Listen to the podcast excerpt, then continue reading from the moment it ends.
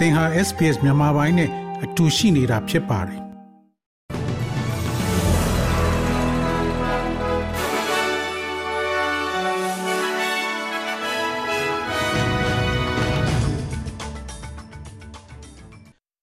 တော်ရရှိမြယနေ့ January 29ရက်တင်းနှင်းသာနေ့အတွက် SPS News Flash သတင်းထူးများကိုတင်ဆက်ပေးမှာဖြစ်ပါတယ်ကျွန်တော်က Terror အောင်ပါ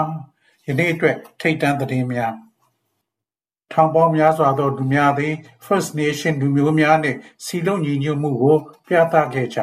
။ January 26ရက်က နိုင်ငံတော်ဝန်ရှိမျိုးကြီးများတွင် အခမ်းအနားများနှင့် ချီတက်ပွဲများကျင်းပခြင်းဖြင့် လူထောင်ပေါင်းများစွာသည် First Nation လူမျိုးများနှင့်စီလုံးညီညွတ်မှုကို ပြသခဲ့ကြပြီး Invasion Day နှင့် Survival Day ချီတက်ပွဲများတွင် ပါဝင်ခဲ့ကြပါသည်။ Melbourne မြို့ရှိ ထောင်နှင့်ချီသော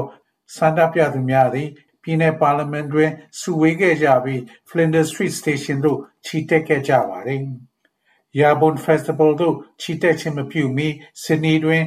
ထောင်နှင့်ချီသောလူများသည် Belmore Park တွင် စုဝေးတွေ့ဆုံခဲ့ကြပါသည်။ Darwin မှာလည်း ဆန္ဒပြသူများသည် မြေယာများကို First Nation လူများထံ ပြန်လည်ပေးအပ်ရန်နှင့် ပိုမိုကောင်းမွန်သော လူငယ်တရားမျှတမှု ဥပဒေများအတွက် တောင်းဆိုရန် စည်းရုံးခဲ့ကြပါသည်။ Larrakia တီဝီအမျိုးသမီး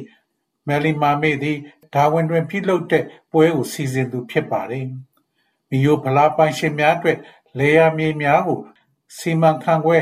ကာကွယ်နိုင်စေရန်က အရေးကြီးတယ်လို့ သူမက ပြောဆိုပါတယ်။နိုင်ငံတော်ဝန်ရှိစီယုံရေးမှုများနဲ့ ဧည့်သည်တော်များက Aboriginal Death in Custody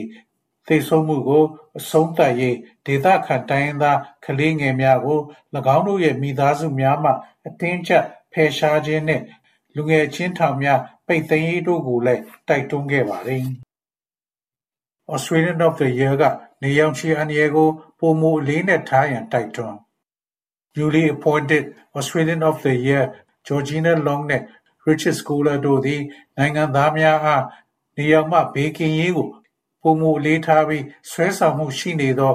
အသားညိုအောင် နေရောင်ခံခြင်းကိုရပ်တန့်ရန်ဇန်နဝါရီလ25ရက်နေ့ကတိုက်တွန်းလိုက်ပါတယ်။ဆရာဝန်နှစ်ဦးသည်သေစေနိုင်သောအရေပြားကင်ဆာ melanoma ကိုတိုက်ဖျက်ရန်၎င်းတို့ရဲ့ဘဝတစ်ခုလုံးကိုနှိမ့်မြုပ်ခဲ့ပါတယ်။၎င်းတို့ရဲ့ဆေးဘက်ဆိုင်ရာအောင်မြင်မှုများမှတစ်ဆင့်သူတေသီများသည် ထောင်ပေါင်းများစွာသော အသက်များကိုကယ်တင်နိုင်ခဲ့တယ်လို့ချီးကျူးဂုဏ်ပြုခံခဲ့ရပါတယ်။ Miss Long နဲ့ Mr. Scholar တို့ကဩစတြေးလျနိုင်ငံသားများအားနေပူထဲတွင်ပိုမိုသတိထားရန်တိုက်တွန်းထားပါတယ်။ကိစ္စအများစုမှာနေရာအောက်မှလုံခြုံသောအမူအကျင့်ဖြင့် melanoma ကိုကာကွယ်နိုင်ပြီးကြိုတင်ကာကွယ်ခြင်းဟာကုသခြင်းထက်အမြဲတမ်းပိုကောင်းပါတယ်။မနက်ဖြန်မှာအော်စီတစ်ထောင်ခန့်တို့သည်၎င်းတို့ရဲ့အသားညိုအောင်နေရောင်ခံရန် လုပ်ကြမည်သို့မဟုတ်ကျွန်ုပ်တို့မြင်နေရသည့်အတိုင်း၎င်းတို့ရဲ့ melanoma များကို နေရာအောက်မှာအစပြုံးနေကြပါတယ်။အသားညိုအောင်နေရောင်ခံမယ်ဆိုရင်အလံပြင်ဘက်မှာရေကူးသလိုလုံနေကြသလိုပါပဲ။ရင်အန္တရာယ်ကင်းရှင်းရေးထောက်ခံသူများကပြည်내နဲ့နယ်မြေအစိုးရများဟာဒေတာကို ဖုံးကွယ်ထားတယ်လို့ဆွဆွဲရင်အန္တရာယ်ကင်းရှင်းရေးထောက်ခံသူများကပြည်내နဲ့နယ်မြေအစိုးရများသည်ရင်တိုက်မှုများအား တားဆီးရန်အတွက်အသုံးပြုနိုင်တဲ့အချက်လက်များကိုဆိုင်းငံ့ထားကြောင်းဇန်နဝါရီလ29ရက်နေ့ကဆွဆွဲပြောဆိုလိုက်ပါတယ်။ပြီးခဲ့တဲ့6လအတွင်းဩစတြေးလျလမ်းများပေါ်တွင် လူပေါင်း689ဦးသေဆုံးခဲ့ပြီး73နှစ်အတွင်းမှာဒါကအဆိုးဝါးဆုံးဖြစ်ပါတယ်။ Australian Automobile Association ကလိုင်းအရေးသွေးရင်တိုက်မှုအကြောင်းရင်းများနဲ့ တရားဥပဒေစိုးမိုးရေးကို ထိရောက်မှုဆိုင်ရာ အချက်လက်များက အဆိုပါပြဿနာများကို နားလည်ရန်နဲ့အသက်ကယ်ဆယ်ရန်အတွက် လူသိရှင်ကြား ထုတ်ပြန်သင့်တယ်လို့ ပြောဆိုသွားပါတယ်။ဝန်ကြီးချုပ်က အစိုးရရဲ့ ဆုံးဖြတ်ချက်ကို ခုခံကာကွယ်ပြောဆို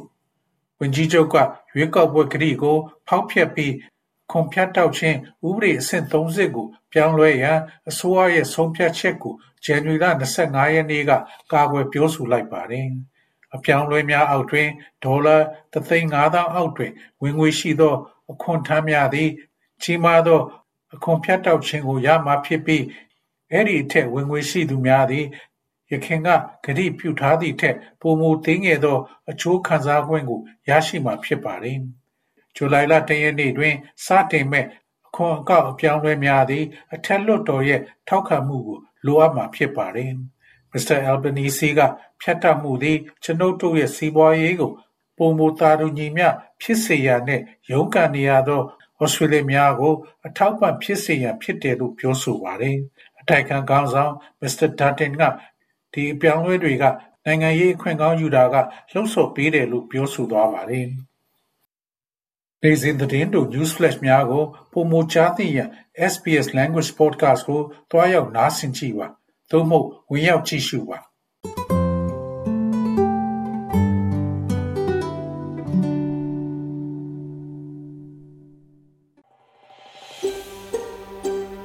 ဒါမျိုးသတင်းဆောင်မာတွေကိုပိုနားဆင်လိုပါလား Apple Podcast Google Podcast Spotify တို့မှာသင်ပင်ရာဖြစ်ဖြစ်ရယူတဲ့ podcast ကနေပါ